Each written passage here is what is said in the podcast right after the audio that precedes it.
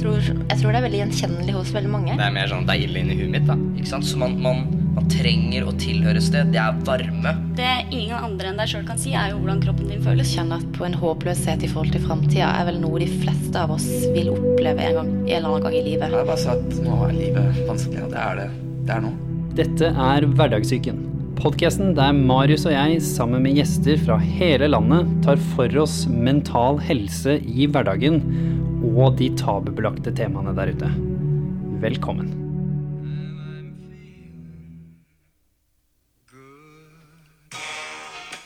Og velkommen tilbake til Hverdagssyken. Og så kan eh, rett og slett bare resten av episoden handle om at Markus eh, fullfører og synger resten av sangen. I think no. Nei? Nei. Og i dag har vi jo en så fantastisk spontan og flott episode som skal handle om selvbilde og selvfølelse. Både hvordan man kan skli ut og rett og slett ikke nødvendigvis være så fryktelig fornøyd med hvordan man føler seg, eller hvordan man ser seg selv. Men også hvordan man kan jobbe med det. Og da har vi med den superspontane gjesten Emily Bang! og sjølveste sjølven eh, som vanligvis er bak podkasten. Markus.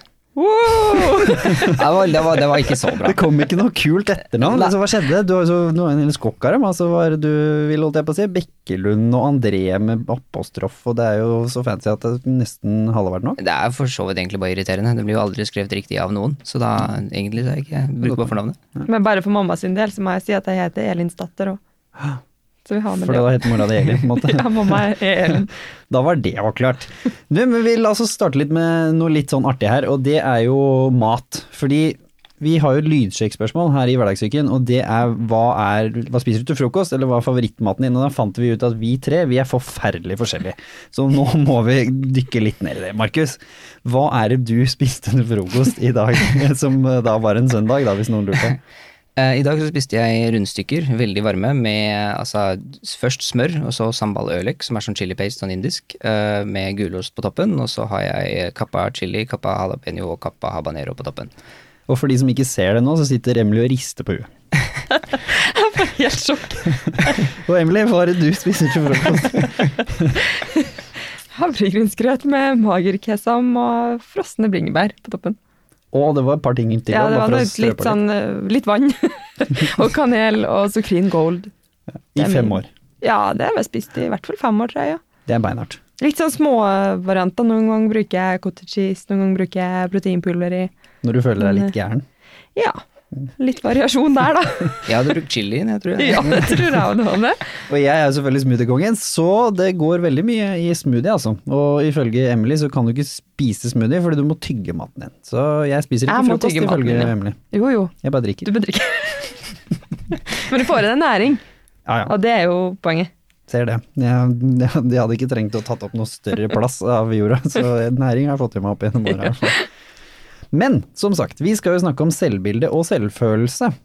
Så la oss eh, starte med, med deg, Emily. Altså, du har jo delt historien din på The Human Aspect, som sånn sett eh, handlet om en historie som kom etter den vi skal snakke litt mer om i dag, hvor du også nevner i intervjuet ditt at en av grunnene til at du kanskje håndterte den situasjonen og klarte å få deg ut av den, var at du hadde vært i en tøff eh, altså depresjon, en sånn tøff periode før, som gjorde at du hadde Du visste at eh, det kunne gå bedre. Det, var jo, det er jo litt magien bak det vi holder på med, for det er jo det vi vil. er jo at man skal lære av erfaringer. Kanskje ikke nødvendigvis alltid sine egne, men også andre sine. Så når jeg sier selvbilde og selvfølelse, hvilken periode i ditt liv var det det var på det laveste hos deg, og hva var det som var grunnen til at det ikke var helt uh, A4? Oi. Jeg tror kanskje at det ble når at eh, jeg mista mye av interessene mine, og det som jeg liksom drev mye med i hverdagen, som var musikken en stund. Eh, og at det ble mer et sånn konkurranseaspekt enn at jeg fikk drive med det som min greie. Samt at jeg kanskje da samtidig mista en del kontakt med de nærmeste vennene mine fordi at jeg valgte å gå på en annen videregående skole en periode. Så jeg mista egentlig mye av det som jeg brukte å ha nært og ta vare på i hverdagen, og som tok vare på meg, ikke minst. Hva var det som skjedde med selvfølelsen og selvbildet da, når man liksom som ung havner vekk fra det som er trygghet, det som er de rundt deg som vanligvis er det som føles godt, da, og de som kjenner deg, hvor man både er komfortabel og føler seg bra? tror du at den ensomhetsfølelsen man kanskje blir sittende litt med da, gjør at man begynner å kverne mye tanker på ok, hva, hva kan jeg gjøre, er det jeg som har gjort noe gærent, er det Man liksom begynner å klandre seg sjøl litt for det òg iblant. Um, og så liksom hva er det som er gærent med meg? Hva var det som var gærent med deg, da, når du var i dine ulvetanker? Hva var det du så som du følte kanskje kunne være svaret på hva som var galt med deg? For min del så handler det kanskje mye om at jeg, jeg følte at jeg ikke var en god nok venn, fordi at jeg ikke klarte å Altså, det var jo vanskelig når jeg drev og pendla og var bort veldig lenge om dagene, og klare å holde en så nær kontakt med de vennene jeg brukte å ha en så nær relasjon til. Um, men også det at jeg at jeg mista kanskje litt av den musikkgleden når det ble mer konkurranse, at jeg følte at jeg ikke helt mestra den biten heller. Så egentlig litt sånn mangel på mestringsfølelse. Og da hadde du egentlig store deler av din identitet knytta seg rundt musikk, og du også hadde jo en stor drøm om at dette var fremtiden, så både fortiden din var musikk, og deg i musikken, og fremtiden skulle være deg i musikken. Hva skjer da når det liksom bare blir borte, litt? Rann? Hva sitter man igjen med da, når man kanskje har forbundet sin verdi i noe man har gjort, som plutselig blir borte? Da er det tomt. Det er veldig tomt. Og da er det litt sånn, hva er jeg nå? Hvem er jeg nå? Hva er, hva er det egentlig igjen av meg? For det var liksom å, Ja, du er hun som synger. Og så plutselig var det sånn Ja, jeg er egentlig det. Hva, hva er det egentlig jeg er? For jeg mister litt uh, identiteten sin, føler man sjøl, kanskje. Selv om andre kanskje ikke ser det på samme måte. Og jeg tror det er det som ble det mest ubehagelige med det. At det er en sjøl som merker det mest. Eller føler på det. Og når det blir så tomt samtidig, så går man og surrer i de tankene om og om igjen, da. Og graver seg litt ned i det. Og hva er det da som skjer når du går i det for lenge, da? Noe som du endte opp med å gjøre. Du nevnte jo i intervjuet ditt en liten baderomsepisode der, som er klassisk for veldig mange. At man håper å si den stereotypen at man, man havner på baderomsgulvet, da, og ikke nødvendigvis eh, har det så bra. Hvor er det liksom det ender til slutt, når man bare går i tomhet og kanskje ikke helt finner fotfeste, da, før man klarer å snu det? Jeg tror nok noe av det vanskeligste når man er langt nede, er å kjenne hva er det som kan gi meg glede. At det blir vanskelig å se hva det er som Ok, hva kan jeg gjøre nå for at jeg skal komme meg et tak opp, eller at man har lyst til å snakke med noen, men å, men hvem kan jeg egentlig snakke med? Eller eh, hva er det egentlig jeg liker å gjøre? Og du må du miste helt uh, oversikten over hva du egentlig brukte og syntes var kult og gøy, og hva som brukte å gi deg mestring og glede i hverdagen. Og da er det mye lettere å trekke seg unna alle ting, for du vil ikke vil heller ikke havne i situasjoner der du føler at du absolutt ikke mestrer det. Så da kanskje du ikke går og utfordrer deg på nye ting heller.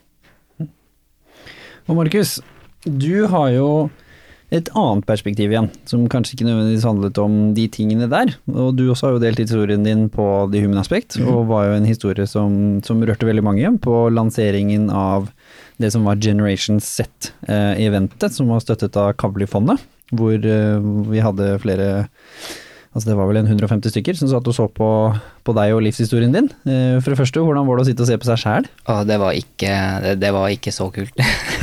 det verste var sånn midt i, sånn, i et sånt stedintervju hvor det var ganske dramatisk.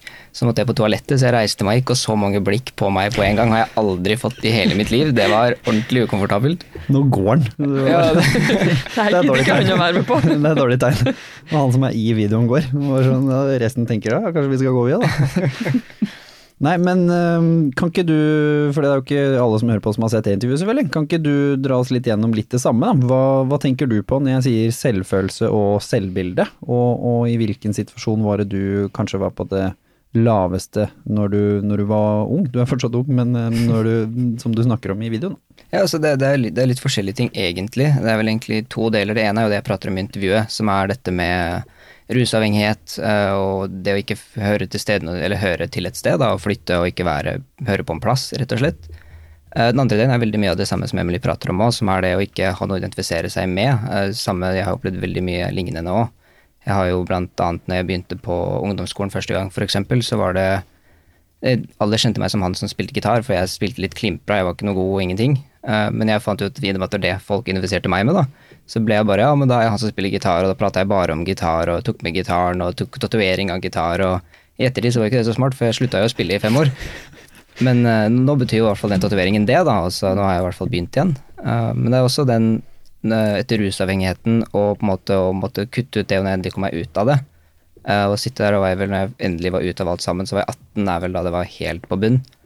Og jeg sitter her, jeg har ingen av de gamle vennene mine, ingen som kjenner meg. Uh, Bytta skoler om og om igjen, bor helt alene. altså Har ingen foreldre i umiddelbar nærhet, har ikke så mye familie.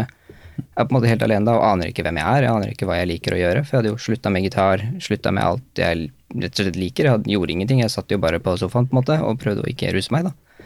Um, og det er, det, det er litt den ensomheten som bare slår inn derfra, da. Uh, og det er jo den, den ensomhetsfølelsen også kommer jo fra gamle dager, når vi gikk rundt i skog og skau og var sånn flokkdyr, vi mennesker. Uh, det ensomheten stammer jo derfra, for det var jo at hvis ikke du var en del av den stammen eller ble akseptert, så overlevde du jo ikke. Jeg satt og leste veldig mye om det her for litt siden, faktisk. Uh, Fordi det handler om at når du først er utafor, så prøver du å finne måter folk kan akseptere deg på, og da begynner du å komme i en sånn frantisk situasjon hvor du leter etter ting som du kan gjøre eller identifisere deg med for å bli akseptert igjen, eller å vite hvem du er. Så det- alt bunner jo egentlig bare i overlevelse, da. Og det å gå inn i den modusen kan være vanvittig mørk, da. Det leder jo veldig fort til depresjon og til veldig mye selvhat og til å virkelig ikke like seg selv, fordi at du føler at ingen andre gjør det. For hva var det du så på det verste? Hva var Markus i dine egne øyne da? Og det var bare en ordentlig taper. Altså, det var jo ingenting som Jeg betydde jo ikke noe for noen. Det var ingen som ringte meg eller spurte hvordan det går med meg. Jeg hadde jo ingen venner. Altså, jeg hadde jo ikke noe mening med meg. Altså, jeg har alltid hatt en sånn filosofi med religion og sånne ting at jeg bare er. Jeg bare er meg. Men hvis jeg bare er meg og ikke kan måte gjøre noe impact på noen, er det noe poeng i at jeg er her da, egentlig? Er jeg meg? Hvem er jeg? Altså, kommer rett inn i den tankegangen der, da. Og det er veldig sånn eksistensielt, da. Å være så eksistensiell er jo ekstremt Det kan være ekstremt tyngende. Altså, du blir jo helt ødelagt av det, og det, selvmordstanker og sånn kommer jo på lang linje, da. Mm. Det er mye av det som jeg har delt også. Jo, min identitet var jo veldig rota knytta til idrett igjen. Eh, Det var jo det som redda livet mitt, på en måte. Og veldig det som dere toucher på begge to. Det er jo den derre Som ungdom så leter vi jo etter hvem er du i flokken for å passe inn, eller i gjengen. Og hvis du kanskje er så heldig og finner det, da. Enten litt sånn påtvunget nesten, fordi du noen bare Oi, shit, du er god til å spille gitar. Eller oi, du er god i fotball. Eller du er god til å synge. Og så tar man den rollen fullt også. Det er altså litt typisk kanskje når man er ung, da. Men som man voksen, så vet man jo at man har flere bein å stå på enn den ene tingen. Det betyr jo at du både kan jo være Emily som er god til å synge, men du kan også være Emily som er hun som er skikkelig morsom, eller Emily hun som man går til hvis man, hvis man har en tøff dag, eller det er hun man tre... Altså, da har man plutselig flere identiteter. Men som ung så føler jeg du gjerne har én. Og når den er sterk, som den har vært for oss tre, da, så er det jo døden nesten, å miste den. Fordi da står du der virkelig og må begynne på nytt. Og det å begynne på nytt når du er liksom mellom 15 og 20 år, det er litt verre enn å begynne på nytt når man er voksen. Når du på en måte har vært gjennom Du har prøvd det før, da. Du vet i hvert fall at det kan, kan gå over, da. annet. Så jeg tenker også det er jo et litt viktig perspektiv for unge. Når den podkasten kommer ut, så har vi også et event som heter det samme, som handler om selvbilde og selvfølelse, og om unge. Og det er også et viktig perspektiv som vi skal prøve å ta opp der, da, på eventet seinere i dag. Eller i går, når dere hører på dette her. Det er jo da den biten med hva gjør man for å sørge for at man tør å bygge et selvbilde og en selvfølelse som faktisk er nysgjerrig innover, og som ikke lar samfunnet bestemme hvem du er. Sånn at man slipper å kanskje gå gjennom de veldig heavy versjonene som, som vi har gått gjennom hver for oss, da, tenker jeg. Det er jo litt spennende å se på. Og mm, Emily, du jobber jo nå med veldig mange andre mennesker som kanskje syns selvbilde og selvfølelse, både fysisk og psykisk, er litt vanskelig. Når du jobber nå som eh, både online coach og, og personlig trener. Hva er det du ser der ute blant de som du ser kanskje er litt sånn gjennomgående ting? Hva er det folk sliter litt med? Jeg tror det er hos veldig mange mangel på å gjøre ting som gir mestringsfølelse i hverdagen. Og det er litt sånn kult, for jeg har en, altså, den grunnpakken som vi starter med hos oss, er med fire uker oppfølging. Og det er Ja, du kan se store endringer på fysikken. Ja, du kan se stor endring på at du har blitt sterkere. Men du har også blitt Det er veldig mange som har blitt så utrolig mye sterkere mennesker for seg sjøl og for dem rundt seg. At de bare har Shit, enn at jeg fikk til det der. Det hadde jeg aldri trodd for fire uker at jeg skulle klare. Jeg trodde aldri jeg skulle prøve engang. Um, og det er bare det å se at uh, når de mestrer mer i hverdagen, så tør man gjerne mer også, og utfordre seg sjøl litt. Det er jo kanskje det beste med fysisk trening, da. Det som jeg også har jobbet mye med å hjelpe mennesker til å kanskje ta tak i livet sitt, og det begynner gjerne med det fysiske, fordi det er jo faktisk ganske enkelt i den formen at det er praktisk. Du kan sette opp et program, du kan gjøre øvelser, du kan begynne å gjøre ting du ikke har gjort før. Du kan, og så plutselig så kommer den mestringsfølelsen litt enklere enn hvis du skal ta et stort mentalt prosjekt, på en måte, og ta tak i noe kjempestort. Så kan jo det gjerne ta livet av deg før du har begynt, på en måte. Mens den fysiske biten er jo litt spennende sånn sett, da. Ja, og så er det liksom de fleste som eh, tar kontakt, er jo, har jo på en måte satt seg et mål med endring av fysikken, eller mestring, eller ønsker å oppnå noen ting på trening. Eh, men så Det liksom virker som at alt annet bare er bonus, for de hadde ikke en tanke om at det kom til å skje heller. Det, det, det handler om så mye mer enn kropp, sier jeg. Det er liksom Det begynner der, men så skjønner de ganske kjapt at oi, shit, det her handler jo om å føle seg bra. Det er ikke bare endringa med fysikken som skjer ved å gjøre, ha en bedre helse og være mer aktiv. Absolutt ikke. Men Markus, du har jo holdt på å si slitt med helsa, så du har jo fått kjenne på, på baksida. For, og liksom, hvor, hvor viktig er helse blitt for deg som har fått kjenne litt på hvordan det er å kanskje både være litt uheldig, men også konsekvensen av det livet du beskrev i stad? Ja, altså, helse er jo superviktig for alt, uansett hva det er for noe. Um, spesielt når du har mista, ikke mista helsa, da, men når du er, har dårlig helse, da, eller er syk, eller ja, sånn etter jeg kom ut av rusen, eksempel, så var ikke helsa akkurat bra. Og den er fortsatt ikke det heller, uh, av andre grunner.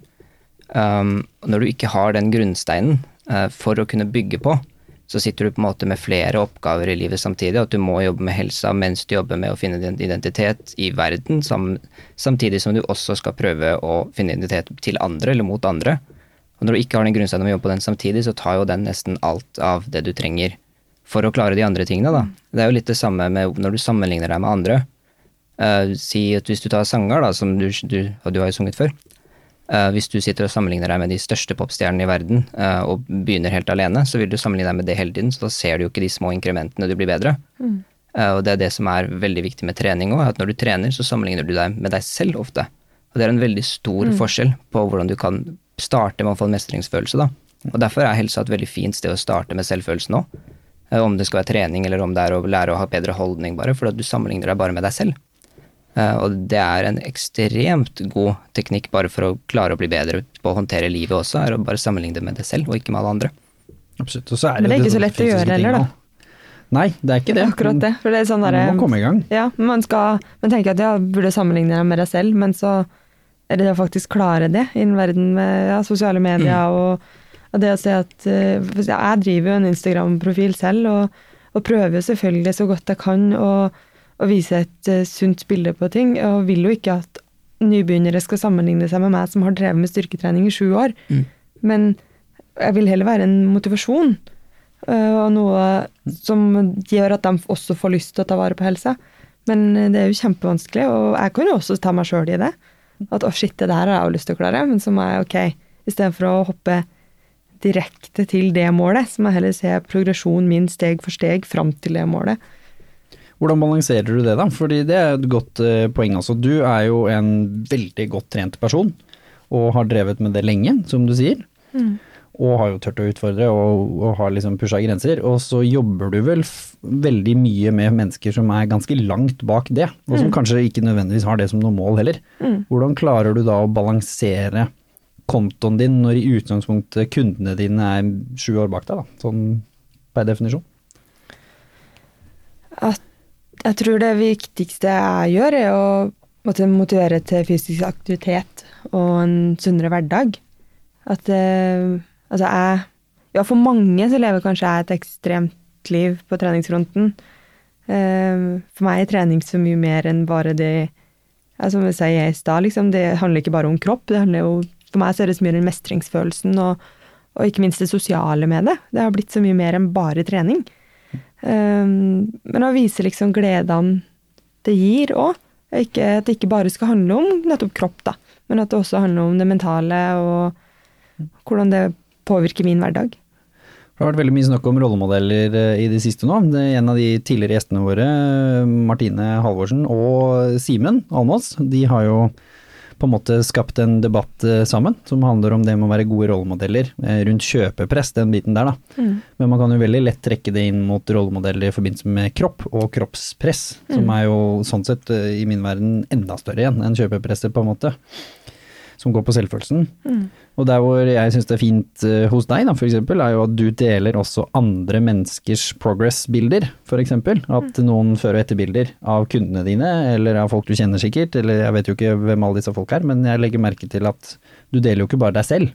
Og sånn hei hei, nå har jeg én centimeter rund eh, mindre på midja. Du deler jo også såkalte vanlige mennesker, da, som har klart å gå fra kanskje å veie 20 kilo for mye til å veie 15 kilo for mye i deres egen verden. At de har nådd et nytt mål. Og det er jo sikkert inspirerende for folk å se på, da, Ja, tenker det er jo målet, absolutt. For det er jo også Det jeg viser der, er jo også helsefremmende tiltak.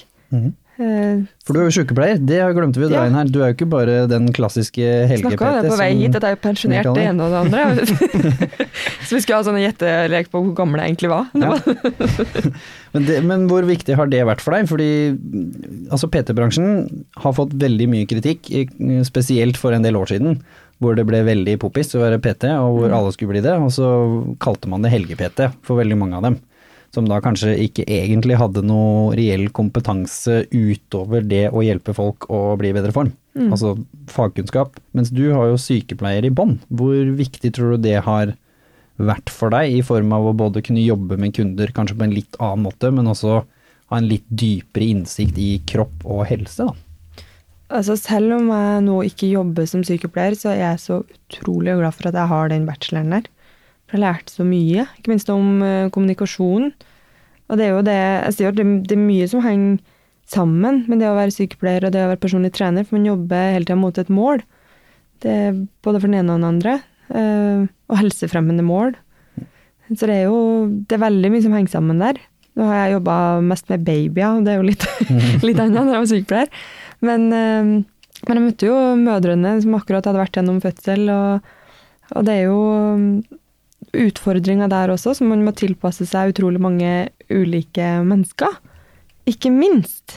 Du går jo fra rom til rom, og det er jo helt forskjellige personligheter, helt forskjellige behov på alle rom. Og sånn er det jo også med klientene jeg har, som jeg oppfølger, følger opp nå gjennom eh, som personlig trener. Absolutt, men la oss nå hoppe litt inn i hvordan vi tre klarte å endre selvfølelsen av og selvbildet. Markus, eh, selv om eh, livet er eh, opp og ned, hvordan klarte du etter rusen å begynne å tro litt på deg sjøl igjen? da? Og som du sa, du satt der aleine, hadde ingen venner, ingen som ringte deg, og var egentlig litt inne i selvmordstankeverden om at hva er vitsen med at Markus fins i det hele tatt? Hvordan klarte du å ta det fra det til en person som i hvert fall forstår litt sin egen verdi, da? Eh, Jeg jobba egentlig, har egentlig vært hele den grunnsteinen som gjorde at jeg kom meg ut av alt som jeg har vært gjennom, egentlig. Uh, var jeg har jobba liksom 200% så lenge jeg kan huske, og bare jobba og jobba og stått på. Um, og via det så er det jo umulig å ikke få noen kontakter, eller et lite nettverk der. Uh, og sammen med det også gå på skole og de tingene her, og bare prøve å finne den ene personen som jeg i hvert fall kan knytte meg litt til, da. Uh, og så begynne å se utenifra på perspektiv og se at jeg er ikke den personen som jobber 200% jeg er ikke den personen som spiller gitar, men jeg er den personen som sier dette når du sier det. Jeg er den personen som avbryter deg når du prater. Altså, jeg er veldig høylytt, altså jeg er den personen som drar en dum vits. Det er meg. Det er ikke det jeg gjør, det er ikke det jeg er interessert i, men det er den jeg er, da. Eh, Og begynte å se meg selv litt mer på den måten, og prøve å se meg selv utenifra hele tiden. Og ved å gjøre det, så begynte jeg å finne ting ved meg selv som jeg kunne jobbe med. Som er blant annet at jeg har alltid hatt et veldig dårlig tonefall når jeg prater. Jeg kan høres veldig sint ut, veldig irriterende ut. Alle sier at jeg er så skremmende når jeg møter for første gang. Det er en sånn fellesgreie jeg ikke skjønner. Jeg har ennå ikke skjønt den. Eh, Så det er jo så, sånne ting jeg jobber med. da, Og når jeg begynte å tenke på den måten, og begynte å bare se på meg selv utenifra og begynne å prøve å legge merke til Jeg satt og skreiv ned hva jeg sa i situasjonen. Jeg satt i timen, og istedenfor å notere i timen, så satt jeg og noterte hvordan jeg oppførte meg. Som er litt sånn bakvendt måte å gjøre det på. Men ved å gjøre det, så fant jeg også ut hvem jeg var. Og da begynte jeg plutselig å føle meg mye bedre. Jeg begynte å tørre å prøve nye ting jeg kunne interessere meg med. Jeg begynte å prøve å spille musikk igjen. Og plutselig så hadde jeg fått en sånn grunnstein uten å legge merke til det. Da. At jeg plutselig kunne uh, se på meg selv på den måten at jeg er den jeg er, men dette er i tillegg ting jeg kan interessere meg med. Og når du får et bredere spekter der, så får du en plass. Og når du har en plass, så er det ikke så mørkt lenger. Nå snakker du om noe litt spennende, fordi det er veldig mange i 2020, 2019 og de siste åra som snakker veldig mye om at du må innover for å finne deg sjøl. Og det er for så vidt eh, veldig sant. Man må tørre å være nysgjerrig, som vi nettopp snakket om, og ikke nødvendigvis sammenligne deg som mange med andre, men du toucher på et viktig perspektiv som jeg også er veldig fan av. Det der å finne ut av hvem du er i forhold til andre. For vi eksisterer nå ikke aleine på jordkloden. Så det er også litt viktig å tørre å se hvem er jeg for andre? Hvordan oppfatter andre meg? For å øke ditt eget perspektiv og forståelse av hvem du er. Og det virker som du var ganske bevisst på, og du har jo hatt mange samtaler om dette her eh, før, sånn sett.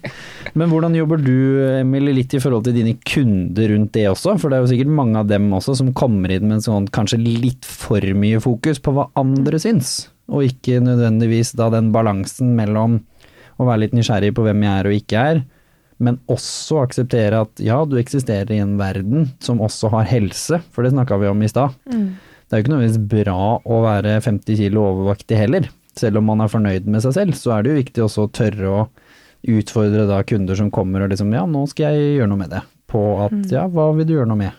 Både det fysiske, men også hvordan du føler deg, da. Det er jo viktigere det enn hvordan du ser ut i speilet.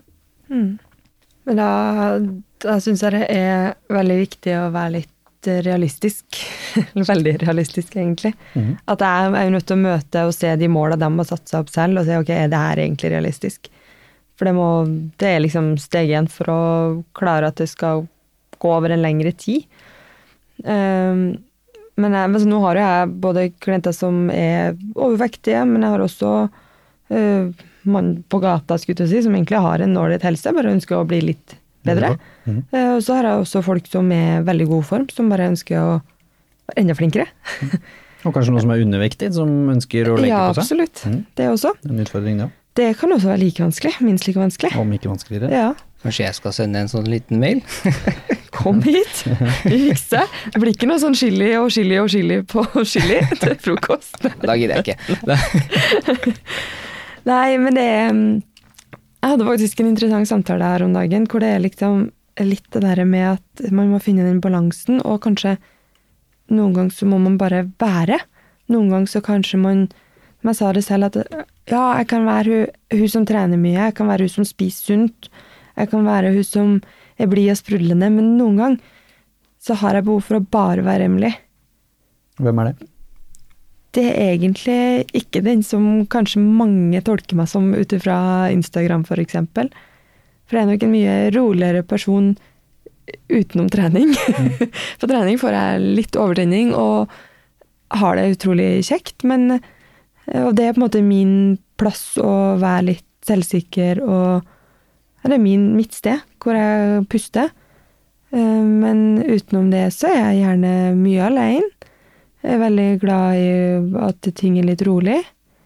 Og er nok eh, Jeg har litt, litt sånn rutinemenneske og bare lar ting gå. Og så er jeg veldig dårlig til å ta et sånn skikkelig avbrekk fra ting. Og bare sette meg med pianoet og fortsette å prøve å synge litt. For det er sånne ting som er bare Emily. For nå er jeg ikke Emily som driver med musikken lenger. Det er sånn Etter jeg flytta til Oslo for seks år siden, så er det omtrent ingen som vet at det drev jeg med. Nå er det ganske mange som vet at du drev med det, men Ja, det er av Human Aspect-intervjuet. Søren, altså. Men det, var litt eh, artig poeng, fordi en av de tingene du vi, vi snakket jo ganske mye sammen før du sa ja til å gjøre intervjuet. Mm. Og en av de tingene som jeg husker var viktig for deg, og en av hovedgrunnen til å gjøre det, i tillegg til å hjelpe folk selvfølgelig, og at du tenkte at dette kunne være interessant, og det har det jo vist seg å være. Men det var også at du ønsket å passe på at eh, Instagram-profilen din, som den gangen var i ferd med å virkelig vokse, og det har den jo nå gjort, skulle handle om litt mer enn bare treningshemmelig, fordi du følte at det var ikke et riktig perspektiv på hvem du er, fordi Nei. du er mer enn det. Og der har jo det intervjuet virkelig bidratt, virker det Jeg som. føler at men det har fått vist litt mer av min historie. Og hva som har gjort at jeg har havna der jeg har. Altså, den hendelsen som jeg snakker om der, var jo på en måte egentlig, selv om jeg hadde lyst til å bli personlig trener, alltid hadde tenkt på det, men så var det det som trigga til at shit, du må gjøre det. Bare, fordi jeg måtte Da havna jeg langt nede og trengte å ha noe å stå opp for. Noe å gjøre. Um, og det Det har du nå. nå har, jeg, nå har jeg noe å gjøre. Da var jeg jo sykepleier, og det var det. Nå, ny Markus, hverdag. Du er en litt gjennomsnittlig reflektert person, eh, og omgås jo mennesker og folk og studerer og leser og sånn. Hva tenker du er noe av utfordringen med dagens verden, hvor veldig mange har samme utfordring som Emily, at kanskje den personen de får vist gjennom sosiale medier ikke nødvendigvis er helt den man er. Og det gjelder uansett om det er en influenser du følger, om det er bestekompisen din eller bestevenninna di. Så hva skjer med oss, tror du, når vi rundt oss har så mange skeive perspektiver, som er det som reflekterer tilbake på oss, og så står vi i Vi står jo i vår egen eh, 100 %-versjon, og så ser vi på polished eller filtered versions rundt oss. Hva skjer da, tror du? Altså, det er veldig mange ting som spiller inn på det, men eh, det er den hovedtingen som jeg virkelig ikke liker med sosiale medier og akkurat det her, da. Det er det jeg liker å kalle for full pakke. Eh, Det er litt sånn hvis du ser for deg et bilde av Emily da, på treningsstudio, utrolig selvsikker, der hører du hjemme, det har du gjort i mange år, så har du ikke historien hennes. Eh, Og det er litt enn at når du ser på alt dette på Instagram og sånn, så gjør alle akkurat det her. De gir deg et bilde der de føler seg selvsikre, eh, og der de er på sin plass da, og prøver å se bra ut og prøver å oppnå det som de vil. Eh, Og ved å gjøre det på den måten, så sitter du Si at jeg hadde hatt lyst til å begynne å trene, da jeg har alltid vært vettskremt for trening. Hvis jeg hadde sett det bildet der, så hadde det aldri gitt meg noen inspirasjon til å begynne å trene, da. Uten en annen ting, for det er bare den fulle pakka. Det er akkurat det momentet hvor de ser best ut, hvor de er hjemme. Eh, Og når alle gjør det her, så begynner vi å mangle hva er historien deres, hvordan har de kommet dit, hva har de gjort før, hvor er de fra? Og når du ikke ser det her i mennesker, så får du ikke en relasjon eh, på, på, på en ordentlig måte. Du får et relasjon til det bildet, til den personen de er i det sekundet, det snapshotet. Eh, Og det er et stort problem når det kommer til dette med selvfølelse, for det henger veldig godt sammen med det å sammenligne seg med andre, eller å sammenligne seg i forhold til hva man vil bli. Eh, Og det er jo bare det vi gjør, egentlig, er å sammenligne oss fram til et punkt hvor vi er fornøyde med oss selv, mener jeg, da. Eh, Og det, da er det jo samme med skolen også, at der ser du veldig mange mennesker, i hvert fall på ungdomstiden når du går på videregående eller begynner på universitetet rett, et, rett etterpå, så ser du masse mennesker som er veldig stille. Det er ikke så mange som har lyst til å begynne å snakke med folk, for vi har ikke, vi har ikke sett det bildet av dem, da. Eh, Og når verden har blitt sånn, så er det så vanskelig å skape den relasjonen og begynne å jobbe med selvfølelsen din. Fordi at vi har ikke det å knytte oss til, da. For nå er det mange som snakker om at eh, den nye generasjonen er i ferd med å få en skikkelig kommunikasjonskrise.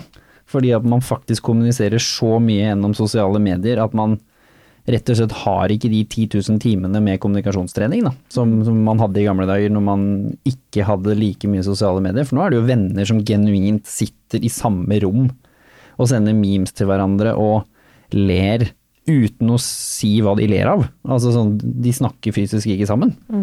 Og dette er jo, sier seg jo selv at da vil du jo spille på denne biten som, som Markus er inne på, da. Og ikke minst den derre utad- og innad-versjonen av deg selv. Du er kanskje en annen person enn den verden tror du er. De som har møtt deg, spesielt i disse store overgangene, da, til universitetet f.eks. Da er det jo typisk du møter de, du tenker å, de var hyggelige, og så legger du de på Instagram, og så blir det sånn wow, er det Emily? Mm. Og det er jo det som er at man, man, man poster jo bilder. Altså, det er jo som du sier, at det er bare Snapchat? lite sekund du får med deg der. Og det som også er at det er jo Nå skal ikke jeg si at det er alltid sånn, men ofte så kan det stå mer i en caption under. Men fordi at det er så mye, det er så stor trafikk hele tida, så scroller man bare sånn typisk bare raskt gjennom. Man leser sjelden det som står under bildet. Jeg er i hvert fall veldig kjapt å bare slide meg gjennom for å Ja, ja. bare ok, nå er jeg oppdatert, liksom. Nå har jeg fått med det som har skjedd i dag.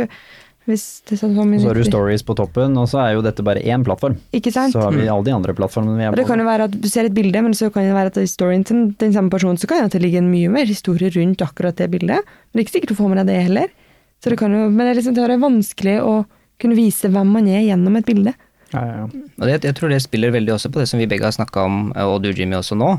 Er dette med at vi, man, når vi var yngre, at vi lette etter én ting å identifisere oss med, det om det er gitaren eller synginga eller treninga, er at dette på en måte gjør at det blir enda sterkere. fordi at når, når du sitter der og ser disse bildene, så ser du den ene tingen du gjør. Og om si at det er et par stykker du akkurat har møtt på nye skolen, så går du inn på Instagrammen deres eller noe hvis du likte dem etterpå. Så ser du hva de driver med. Hva er det du identifiserer dem med? Og når du ser det på den måten, så, er, så når du snakker med dem og er med dem, så snakker du ikke om det, og du finner ingen måte da, å lære hvem de er på. Altså, hvor lenge siden er det du har hørt noen si du skal møte en ny person med en gjeng med venner? Ja, hvordan er han? Nei, han er hyggelig. Lenge siden jeg hadde hørt liksom, nei, han er litt følsom, han er en emosjonell person. Han er veldig glad og har denne type vitser, eller han, han går sånn. Altså, hvor lenge siden er det du hører de tingene her? Vi snakker jo ikke om mennesker lenger. Vi snakker bare om hva, hva, er det, hva er det de identifiserer seg med. Vi vet jo ikke hvem de er, og det syns jeg er dumt. Jeg syns vi skulle hatt mye mer historier, og et bedre medium for å kunne dele historier. Litt vanskelig å si at jeg skulle vært uenig i det. Lagd et livserfaringsbibliotek og Hverdagsringen-podkasten. Nei, jeg er selvfølgelig helt enig, og mye av det som var viktig for meg i den perioden hvor jeg var i ferd med å bli gå fra å være en rollemodell lite lokalt, der jeg kom fra, og hadde sånn sett folk som så opp til meg, fordi jeg var veldig engasjert i ungdom. Jeg var trener, jeg gjorde ting hvor jeg satte meg selv igjen den gode, gamle rollemodellposisjonen, da, hvor det var fysisk og ikke var tusenvis, men en lite knippe med folk som, som fulgte med på hva du gjorde. Når jeg da gikk over til den digitale verden og etter hvert ble en rollemodell på større skala, så var jeg ganske bevisst på at nå skal jeg prøve å passe på å dele mer av meg selv, for det var jo det jeg husker de sa den gangen, som gjorde at jeg var en, en, en god rollemodell for noen, da. Det var at jeg var meg selv. De sa at det er så fint å se, for eksempel i mitt tilfelle, da, en voksen person som ikke drikker, men som fortsatt at det er kul. Jeg husker en av kidsa mine på fotballaget sa det. Og han var veldig tydelig på det, den kul-biten, for som ung så, så er jo kanskje det noe man ønsker å være da, vi må være kul. Så han liksom shit, du, du er så kul og ikke drikker, fordi de han kjente som ikke drakk, de var enten veldig religiøse, og det er jo en nisje, det er jo en boks, eller så var de de ukule. Og han hadde aldri møtt noen som var litt mer midt imellom, da, som han, og som 95% av resten av samfunnet er jo midt imellom. Og da plutselig kunne han se opp til meg for noe som det var jo ikke en prestasjon, det er jo et valg jeg tok, men ved å vise det til han, eller til dem da, i det fotballaget her, så ble jeg en rollemodell. Så når jeg da kom inn i den digitale verden, så var jeg veldig på at jeg også skal vise nedturene. Jeg husker det første året med The Human Aspect, da gjorde jeg ikke det i det hele tatt. For da falt jeg i fella med at du vil ha mest mulig likes. Jeg visste hva som funka, jeg kunne jo teorien, kunne mye mer om dette av vanlige folk, for vi studerte det jo for å lykkes med plattformen. Og så plutselig tar du deg selv i at shit, nå har jeg gjort det som jeg sa at jeg ikke skulle gjøre, som er å vise den full pakke, da, som Markus sier. Og når jeg endra det tilbake igjen, bevisst, så begynte jeg å få meldinger igjen av folk som bare åh, så forfriskende å se en som er opp og ned. Hvor jeg da hadde ryggen hadde låst seg, jeg lå på gulvet på kontoret med beina opp og tok en video av det og fortalte om hvor jækla moro det er å ligge her og ikke klare å komme seg opp, liksom. Og følte meg som jeg var 90 år. og og det viser den siden òg. Og da at jeg sang en sang og tulla og flåsa, eller at jeg hadde creepy, scary stemmen min. Eh, liksom, og viste at jeg er mye mer enn han fyren som bare jobber hardt og trener mye. For det var jo mine to identiteter den gangen. Så tror jeg det kan være så vanskelig å, når man er i den situasjonen selv, å finne overskudd til å gjøre det. For jeg er i hvert fall litt, hvis jeg har en litt tung dag, så har ikke jeg så veldig lyst til å inn og Da går jeg kanskje heller ikke inn og leker at jeg har en verdens kuleste dag. Eller det gjør jeg ikke. Det gidder jeg ikke. Eh, Men samtidig så er det på en måte ikke da jeg har mest lyst til å snakke Dele. foran kamera, eller men jeg, men jeg prøver jo å være flinkere til det, for jeg vet jo at det er minst like viktig. Og minst like motiverende det som alle de gode dagene. For jeg, tror det er mer. jeg er jo bare menneske. Jo, jeg tror det er mer viktig, fordi en av de viktigste tingene vi har snakket mye om i det siste, rundt rollemodeller, det er at man kan få til veldig mye samtidig som man har det vanskelig. For det er ikke Ja, noe sånn ja. enten så er du superkvinne, supermann, eller så er du ikke. Veldig ofte så er jo, og det gjelder jo oss alle her, Det er det vi har snakka om òg, at de utfordringene man har hatt, har jo gjort den sterkere Mm. på sikt ofte. men at det kan skje samtidig, i samme Ja. verden. Jeg kan ha det skikkelig kjipt, samtidig som jeg kanskje har fått til noe vanvittig bra på treninga, tatt ny rekord, Ja, herlighet. De beste treningsøktene er jo på drittdagene. Ja, du skal få ut uh, trøkket, ikke sant? Ja, ja. Men det å er vise begge deler, da. At jeg har skjønt at jeg har lært meg det at du, selv om du egentlig ikke har så veldig lyst til å gjøre noe annet enn å ligge i senga i dag, så kan du jo kanskje prøve å trene. Og så kan det jo være tidenes råeste økt. Mm. Og da kan det gi en mestringsfølelse som bare er helt det. fantastisk, og som løfter selvfølelsen min og alt for den dagen. Absolutt. Jeg har jo det der mantraet med når dager går skikkelig skeis, sånn som den dagen her. Den dagen her har gått skikkelig skeis. Vi hadde et studio, så funka ikke det. Så fant vi et nytt studio, følte meg skikkelig. Mestringsfølelse, selvfølelsen. Bare woho, Jimmy fix everything. Ikke sant? Da er vi der igjen.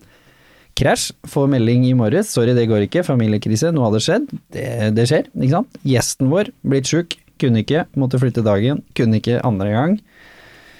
Og så begynner du å bli litt sånn Nå kjenner jeg at jeg liker jeg tar iPhonen min og spiller inn en og gir både Cecilia og Markus eh, magesår på andre sida her. ikke sant? Du bare sier sorry, sånn ble det i dag. Det må dere lage noe bra ut av. Men igjen så tenker vi da at man fortsetter, og man prøver, og man tenker liksom slipp fram kreativiteten. og Sånn, hva kan vi gjøre? Bouncer med Markus, bouncer med Cecilia, ideer. Og så plutselig hadde vi en tre-fire potensielle mulige løsninger her foran oss. Og så stilte livslyst og motivasjon opp, og vi fikk det til allikevel. Og så spola jeg på deg i morges, gikk innom, stjal to klemmer på en søndagsmorgen på Mesh, og så kom jeg ned og spør blir du med på en spontan en, og så sier du ja, og så fikk vi det til. Og det er veldig kult, for har du spurt meg for to år siden Aldri i verden sagt ja, altså. Jeg lover det. Aldri.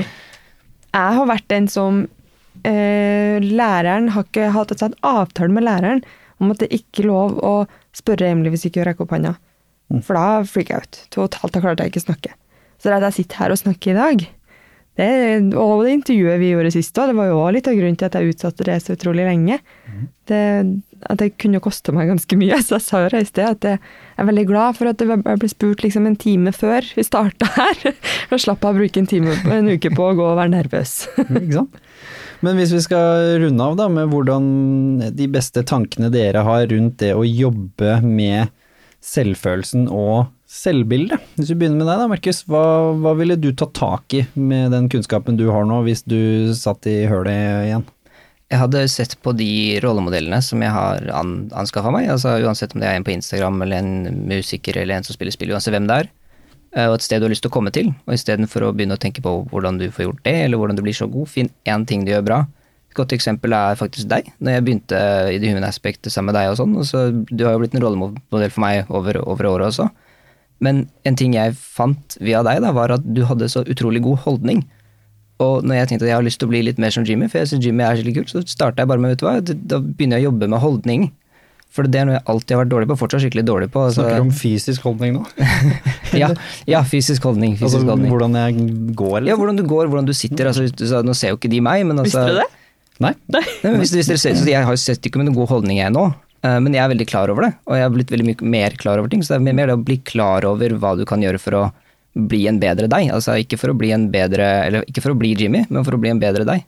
Du ser at han har en bedre holdning enn deg, så du kan jobbe med den ene tingen. da. Istedenfor at å, jeg skal være Jimmy. For som regel eh, holder med én, Markus. det er slitsomt nok som det er. Nei, men det er liksom, hvis du, hvis du sitter og ser på folk og prøver å bli dem, så er det så utrolig mange ting. Og du kommer jo aldri til å oppnå det. Det er jo ikke realistisk, som du sa i stad.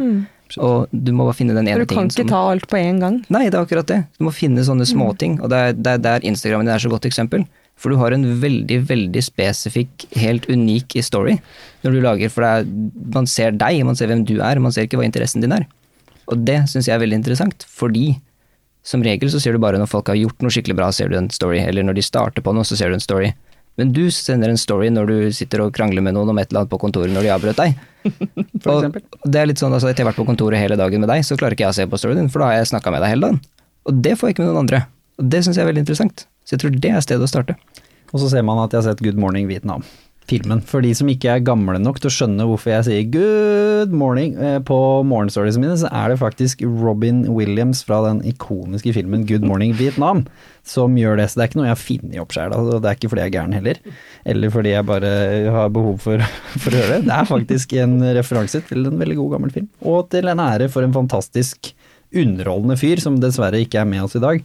Og som var rimelig inn i mental helseverden som oss, da. Som virkelig endte opp med å gå dunken. Så derfor så vil jeg påminne meg om at selv om du er blid og hyggelig og kul utad, så kan det faktisk hende at du har eh, et helvete innad. Så derfor så sier jeg good morning til de som lurte. Emilie, hva slags tips og triks og tanker eh, ville du delt hvis du var nede i sumpa igjen og skulle begynt å ta tak i selvfølelsen og selvbildet? Jeg er veldig enig i det som ble sagt her nå. At man må finne ting som gir litt mestring. eh, Som man kan ha en målbar eh, progresjon på. Både kortsiktig og gjerne langsiktig også. At man har litt forskjellige typer mål. For det er veldig viktig å kjenne på mestringsfølelsen på veien. For mestringsfølelse gir en skikkelig boost og motivasjon til å stå på videre, ikke minst. Har du noe triks fra treningsverden, siden det er der du virkelig herjer nå? Hva ville du begynt med, hvis du i utgangspunktet ikke var uh, Usain Bolt? Nå må jeg Hvis høre du, hvis du var en litt Ja, hvis hvis du var.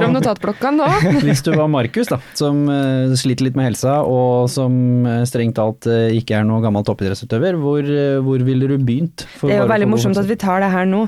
For jeg kan egentlig gjette på at ganske mange har et nyttårsforsett Eh, om å sette i gang for en måned siden. Som allerede har gått skeis? Som eh, nå har vi kommet til februar, så vet ikke jeg, har vi halvert eller noe sånt cirka, kanskje? De som Jeg satte tror det er 80 ja, de som begynte Jeg ikke, de som medlemskapet sitt, på- de, de har slutta å komme i hvert fall, da jeg trener. Ja, ikke sant. Det er litt roligere for nå for tida. Kjempefint. Da blir jeg Det er hjemme. godt for oss. Nei, vi vil ha flere. Ehm, så jeg, det jeg tror veldig mange av dem f.eks. har gjort feil og dumt mot seg sjøl for å kjenne på den der mestringa, det er jo det å sette seg noe mål som fungerer i hverdagen. At man ikke skal gripe over alt på en gang. Man trenger ikke å gå fra null treninger i uka til fem dager i uka. Det holder i massevis om du klarer en to-tre dager i uka. Og, og starte der. Trenger ikke å være i timevis. Det kan være en time to-tre ganger i uka. Kan til og med være 30 minutter, som ja, jeg viser du har på storyen min. Korte, Hjemme. fine hjemmetrening. Ja, det er masse bra hjemmetrening som går an å få inn. Mm. Og det er um, små steg for å øke hverdagsaktiviteten litt. Jeg, har, jeg bruker ofte liksom sånn der, Jeg tar jo mye buss, bor i Oslo, liksom. Men alltid hvis det er mm, åtte minutter bussen går, så går jeg gjerne til både to og tre. Og i går endte jeg opp med å gå hele veien og kom fram samtidig som bussen og var veldig fornøyd. Yes! Det er kult. Det er score. Det var åtte minutter bussen kom når jeg kom ned, og bare tok fem busstopp på samme tid. Yes! Og det er sånne små ting som ikke koster så veldig mye å gjøre, koster ikke så veldig mye energi, men gir en veldig god mestringsfølelse. Så prøv å slå bussen. Prøv å slå bussen. Det gjorde jeg i går kveld, faktisk. Men nå er jeg veldig lange bein, så det er urettferdig. Ja, jeg jogga fra bussen, faktisk. Fra Rosenhoff ned til Carl Berners plass. Så jeg kom før bussen, så jeg tror de som satt på bussen som var på vei ut på fylla på byen, de fikk litt underholdning. Til Paris svarte så vi ikke han for to stopp siden. Så var han her òg. Ja ja, fin fyr. Med sekken min, ikke sant. Det er stereotype Jimmy. Nei, eh, de tinga jeg hadde jobba med, det hadde jo vært å, å gjort litt sånn som eh, Markus. Markus er flink til å skrive. Han er flink til å liksom Jeg har sett noen av hans eh, refleksjoner. Um, og det å tørre å utfordre deg selv på hva er selvfølelse, og hva er selvbildet for deg? Og hva er det at du skal sammenligne med deg selv, kontra hvem du er for verden? Og hva betyr det for deg? For hvis du skriver noen tanker om det, som eksempel å spørre noen rundt seg, da. Kan du beskrive meg på en ærlig måte, og tørre å få den feedbacken? Det er veldig nyttig. Veldig, veldig interessant. Den øvelsen har jeg gjort flere ganger, og det er veldig morsomt. Og så burde du gjerne ta deg kanskje med én familiemedlem som har et sånt forhold til deg. Ta en veldig god venn. Og så tar du gjerne en kollega eller noen som bare sånn kjenner deg litt. Og så ser du hvor forskjellige de tre er, og ta det til deg. Og så tenker du sånn som Markus eh, gjorde, da. Velg én ting som du har lyst til å forsterke. Jeg er jo ikke noe fan av eh, som liksom blir bedre på noe du er dårlig på. For meg, jeg bare driter jeg. Alt jeg er dårlig på, det gjør jeg bare ikke. Så det er derfor det virker som jeg er god på veldig mye, men det er fordi jeg ikke gjør noe jeg er dårlig på. Så ta den tingen du er god på, men som du har lyst til å bli enda bedre på. Som er litt mer den toppidrettsutøvertanken som, som jeg har hatt fra fortida. Fordi det gir mestringsfølelse. Å gjøre noe du er god på allerede, som du føler deg komfortabel i, men som du har lyst til å liksom ta til neste nivå. Da. Som f.eks. er klassisk innenfor musikken eller idretten, eller hvor, hvor det er jo små justeringer hele tiden på de, de som jobber hardt. Og begynn å gjøre det, for det, da får du både Du tri- gjør noe du syns er gøy, og noe du føler deg ganske komfortabel med, og du får mestringsfølelse med at du blir bedre. Tenker jeg. Jeg har et bonustips angående alt det her også, og det er spesielt som ungdom. Eh, Så, så ville jeg anbefalt virk, virkelig også å sitte ti minutter før du legger deg, hver eneste dag, eh, og, og sitte og se på folk som du liker. Så om det er venner, om det er lærere, om det er foreldre, bare folk i livet ditt. Og se på hva du liker ved dem. Finn én ting ved alle sammen som du liker, og finn ut om det er et realistisk mål for deg selv å sette. Og bare jobb med sånne småting. Bare sitt ti minutter hver dag og tenk på sånn, så kommer du til å finne ut veldig fort hvem du har lyst til å være. Det dere fant ut nå, det er at Markus driver sånn internettspaning av folk han liker. Sånn masse videoer på telefonen sin, og andre Nei da. Må ikke du oute meg sånn kjempepass her, da. Nei, da, men det er fantastisk å reflektere rundt de bra folka du har rundt deg, og tenke litt hvilke gode egenskaper eh, de har. Som- det kan jo også gjøre at du finner ut hvem du burde ha rundt deg. Mm, For det er ikke alle du trenger å ha rundt deg. det er sant. det er ikke alle som løfter deg opp. Nå skal jeg utfordre dere, skal vi gjøre en artig øvelse, siden Markus åpna litt den boksen. Nå skal jeg begynne. Nå skal jeg si én ting med dere to som jeg liker. Eh, Markus er en av de morsomste folka jeg veit. Det, det er en ren glede å være rundt han, fordi det, det er alltid morsomt. Det er alltid en tørr kommentar, eller alltid et eller annet som gjør at jeg, som er litt over gjennomsnittlig seriøs type, men som egentlig er veldig glad i å le, får lov å være litt latterfull. Og det, det trenger jeg. Setter jeg veldig pris på. Bra egenskap. Du, du er også en som jeg syns tør å være deg selv, men som er alltid omsorgsfull. Det kommer fra sykepleierbiten. Det er liksom veldig sjelden jeg har snakka med deg, eller hatt noe med deg å gjøre, hvor du ikke også har spurt hvordan det går for meg, eller sendt en hyggelig melding eller en tanke. Det er liksom Jeg tror jeg aldri har opplevd at du er egoistisk, i da den negative forstanden. Det er positiv egoistisk fins også. Så, bra mennesker begge to. Deres tur. Nå ble jeg stille her. Kan jeg starte, da? Ja. Jimmy er holdning. Nei da. Han går rett. altså- Fordi mora mi tvang meg til å gå på bøker på huet da jeg var liten. Nei, det er bare Jeg er oppvokst i Uganda, du, eller? Nei, så. Nei, Nei, en, en ting jeg liker veldig godt med deg, Jimmy, en egenskap du har som jeg egentlig ikke har sett i noen andre noen gang, som jeg syns er skikkelig, skikkelig kul. Nå prøver han å skryte for å få bedre lønn. Kan jeg få det? Ja, sorry, Markus. Jeg er ukomfortabel når folk snakker positivt om meg. Ja. Måten du klarer å være både en sånn uh, streng, sånn litt sånn farsfigur for Ikke, ikke farsfigur, da, men, men, men som sjef, da. Som sjef, at du klarer å være en streng person som får ting gjort, og du klarer å gjøre de målene du vil, og du har veldig gode rutiner. Du klarer å få, få inn i det at du også kan le, du kan også lage vitser, du kan også gjøre ting som virker som sånne ting du gjør når du ikke har rutiner, inn i rutinene. Og det syns jeg er utrolig kult. Det å gjøre sånn helt egen vibe. Det er det jeg liker best ved deg. Det var ny. Og det som er morsomt at du skal snakke om Emily nå, er at det er et førsteinntrykk. Og det er også litt viktig å tørre å dele førsteinntrykk. Eh, mitt aller førsteinntrykk mitt av deg er faktisk at du har veldig god diksjon. Du har fantastisk Wow. god diksjon, det syns jeg også er, det er sånn del å merke til. Det kommer sånn nerdefeedback, det liker vi. Nei, nei, men altså, bare som måten folk prater på, du prater på en veldig fin måte. At du har veldig sånn fin måte Men jeg tror det er fordi det er egentlig er Cecilia bak uh, altså, lydspakene her nikka. Jeg tror egentlig at det der handler om at jeg er trønder og prøver å liksom snakke Prøver å være forståelig. bokmål. Ja, jeg fikk litt kommentarer etter det intervjuet jeg gjorde sist, skjønner du. Nå må du være mye breial! Ja. Må snakke trøndersk eh, ordentlig, Ja, man må liksom legge på litt jeg grann her nå, da. Ok, jeg skal gjøre det på slutten her nå. Da er det deg, Emily. Jeg vet at det er ukomfortabelt, men det er Ja. hele poenget. Vi skal jo utfordre lytterne våre. Dere må også selvfølgelig gjøre dette her, ellers hadde vi jo ikke giddet gjort det. Nei, jeg skal utfordre alle følgerne mine til det i morgen. Det tror jeg mandag. Det er bra dag å gjøre sånn. Det er da podcasten kommer, så det passer fint. Ja, nettopp. Det var det jeg tenkte på. Kjøra på. Jo, eh, hvor skal vi starte? Du kan begynne med førsteinntrykket, da, siden du har ikke møtt Markus. Førsteinntrykket. Uh, vi møttes jo først nå på vei Vi møttes utenfor Mesh. Det var Ja. liksom bare hilste kjapt. og da mm, fikk jeg egentlig bygd meg opp litt sånn utover trikket bussturen, nei, T-baneturen. Og egentlig når vi satte oss ned her, og du begynte å snakke, da fikk jeg en Du er utrolig god til å formulere setningene. At eh, du får fram budskapet så godt. Det syns jeg var veldig kult. Det gjorde det veldig interessant å sitte og høre på det. Det var veldig gøy å høre. Og Jimmy! Ja, ikke sant? Holder du for øya nå?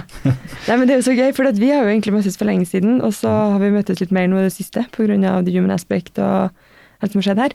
Men det jeg alltid syns har vært veldig kult med deg, er at du, du sier ting rett ut. Altså, Du er litt sånn direkte, men på en ålreit måte. Og det liker jeg skikkelig godt. For det så, Jeg er ikke så veldig glad at man skal drive og gå rundt grøten, og man skal drive, for jeg er en veldig sånn grublete person. Så hvis noen ikke sier ting direkte, hvis de heller sier det litt sånn cirka sånn her, mener jeg, sånn ish sånn der, så blir jeg gående og gruble i cirka en uke etterpå. Ok, hva var det egentlig den personen mente?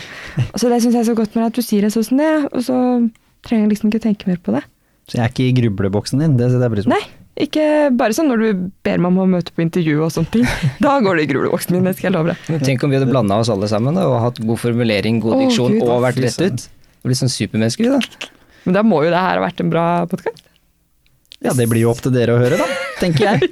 Tusen hjertelig til Emily for spontanbesøket, og for at Markus turte å gå fra baksida av spakene til framsida av spakene. Det setter vi pris på. Hei, takk. Takk for meg. Tusen hjertelig takk til Livslyst og Motivasjon, som stilte opp på veldig kort varsel eh, til å hoste oss eh, i dag. Det setter vi veldig, veldig veldig pris på. Og hvis noen trenger et sted å spille en podkast, så veit dere jo selvfølgelig hvor dere skal ringe, for vi har jo tagga dem overalt. Og tusen hjertelig til dere som hører på, og husk, fortsett å sende inn tips til gjester, tips til temaer. Og ikke minst utfordre oss også. Det er lov å utfordre oss med spørsmål eller ting dere vil vi skal svare på. Om det er personer eller ikke, her er det no boundaries, det veit dere. Og husk å skrive anmeldelse inne på Apple Podcasts. Kjempeviktig. Fordi det er med å dele podkastene. Vi har fått så mye fantastisk feedback fra folk der ute som setter veldig pris på disse podkastene, og hvor det kan være en positiv inspirasjon i livet deres. Men de når ikke disse folka hvis ikke dere som hører på allerede er med og deler, engasjerer dere, liker og skriver reviews, fordi da vil man faktisk nå flere folk. Det er trist, men sant, men det er sånn det funker, disse algoritmene. Så det setter vi pris på. Ha en smashing dag, folkens, og husk at selvbilde og selvfølelse, det er mulig å endre på. Hei då.